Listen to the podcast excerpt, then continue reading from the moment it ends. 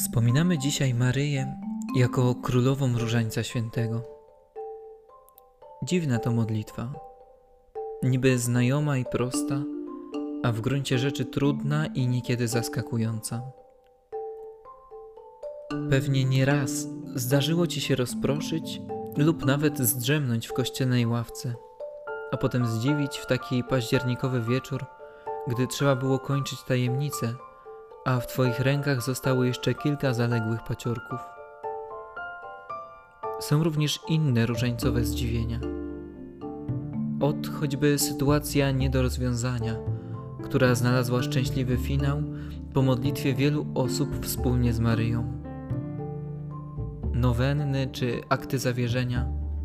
Tak wiele momentów, w których różaniec staje się ostatnią deską ratunku sprawy beznadziejne i wszystkie te, które zdają się zbyt wolno zmierzać do szczęśliwego końca, mogą budzić lęk lub prowadzić do wytrwałego powierzania ich Bogu.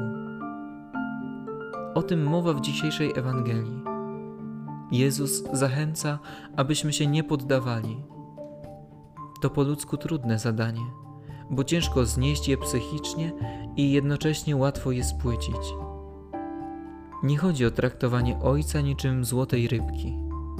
W Chrystusie Pan pokazał nam, że jest osobą, że jest Bogiem żywym, który pragnie, aby wejść z Nim w relację. Prawdziwa więź nie łamie się od wiatru przeciwności.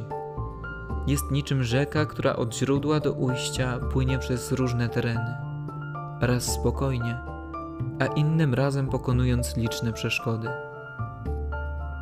więź stała, czy to w radości, czy w smutku. Bo życie jest jak różaniec. Łączy tajemnice radosne, światła, bolesne i chwalebne. Czy zatem odważysz się oddać Bogu każdą chwilę? Czy spróbujesz wspólnie z Nim nie tylko się cieszyć, ale i cierpieć, by w Panu, jak Maryja, odnaleźć nadzieję?